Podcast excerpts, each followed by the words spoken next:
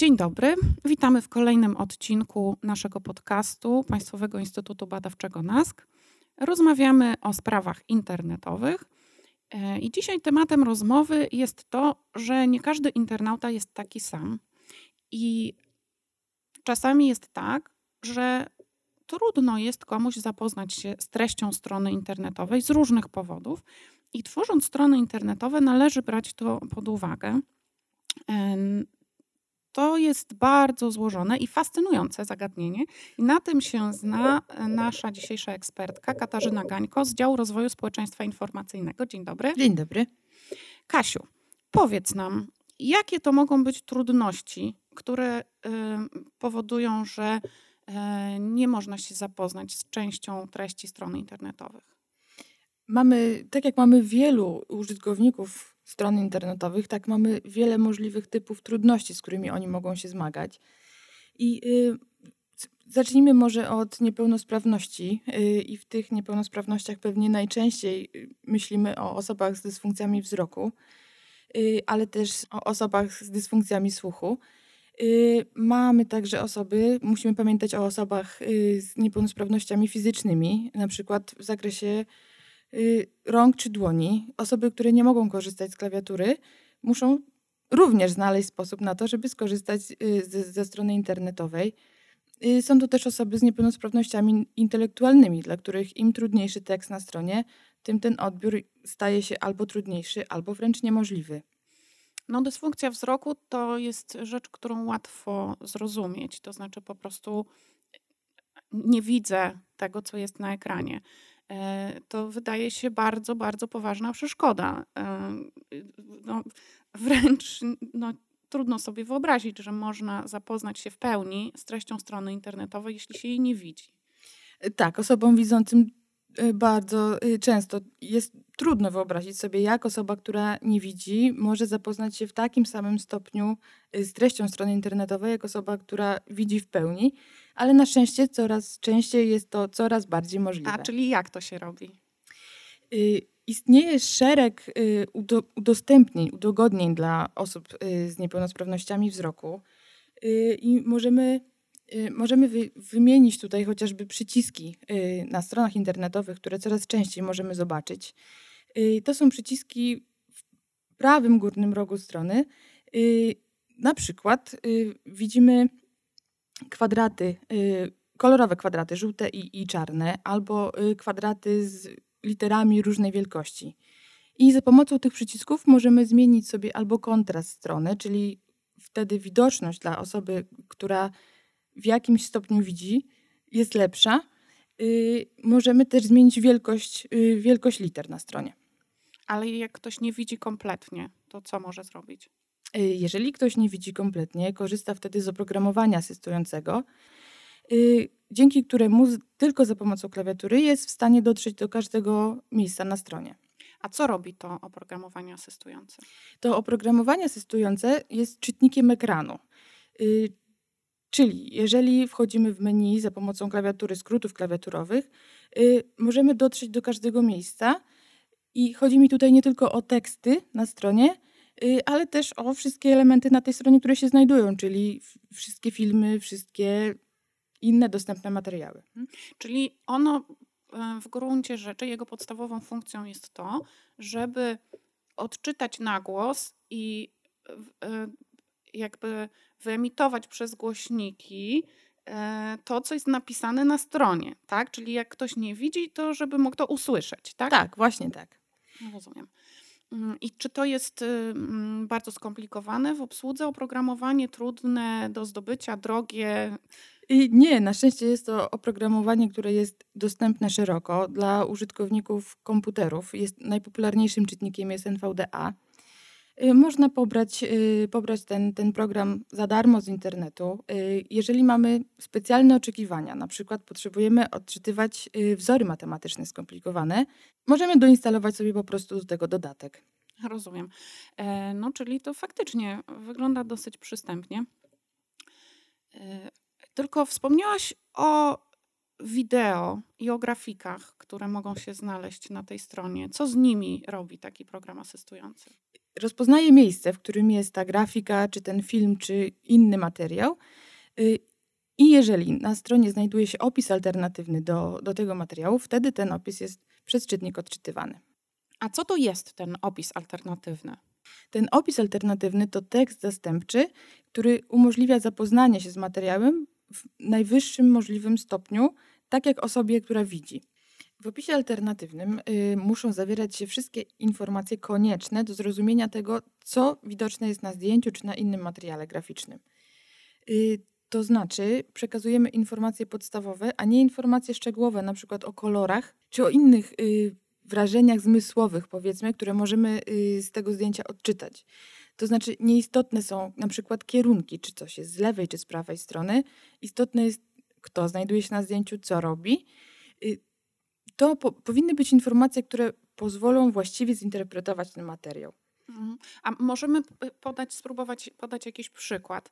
E, to znaczy, załóżmy, że autor strony zamieszcza zdjęcie na tej stronie. Jest to zdjęcie newsowe, przykładowo, gdzie mamy scenę odbywającą się na ulicy w mieście i e, w którymś miejscu odpowiednim na stronie opisuje, co na tym zdjęciu jest, co na tym zdjęciu widać, czyli co on tam musi napisać.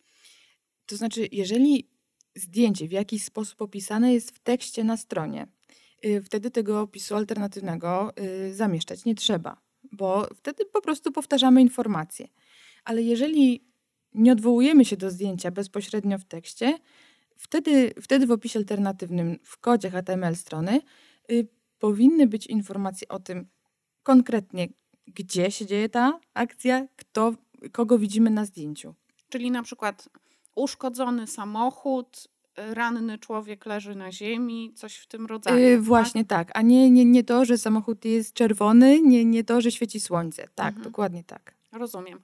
Yy, I teraz ten program asystujący po prostu w momencie, kiedy użytkownik najedzie czy otworzy tą grafikę, odczytuje ten tekst alternatywny na głos, tak? Y, korzystając z oprogramowania asystującego, użytkownik używa tylko klawiatury i skrótów klawiaturowych, w związku z czym y, po naciśnięciu odpowiedniej albo kombinacji klawiszy, albo po prostu strzałek czy tabulacji, y, dowiaduje się, że w tym miejscu jest zdjęcie. I może dowiedzieć się, co jest na tym zdjęciu dzięki właśnie tekstowi alternatywnemu. Tak, tak program po prostu odczytuje informacje o tym, że jest to zdjęcie, a później sam opis alternatywny. Mhm, rozumiem. No dobrze, to dużo um, powiedziałyśmy o osobach, które nie widzą. Um, a czy um, po, po, wsparcia potrzebują na przykład osoby, które nie słyszą? Osoby niesłyszące to oczywiste mają problem z każdą treścią, która jest dźwiękowa. Y, w związku z czym dla nich y, przeznaczone są napisy.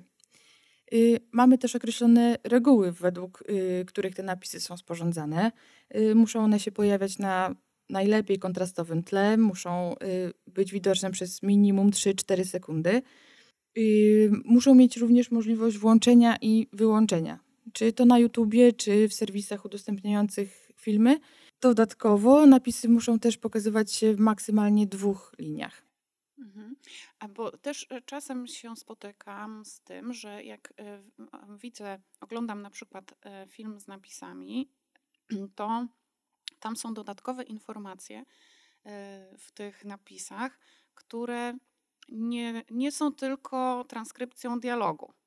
Czyli na przykład pojawia się informacja, że słychać dźwięk telefonu, albo że słychać szum wody płynącej z kranu.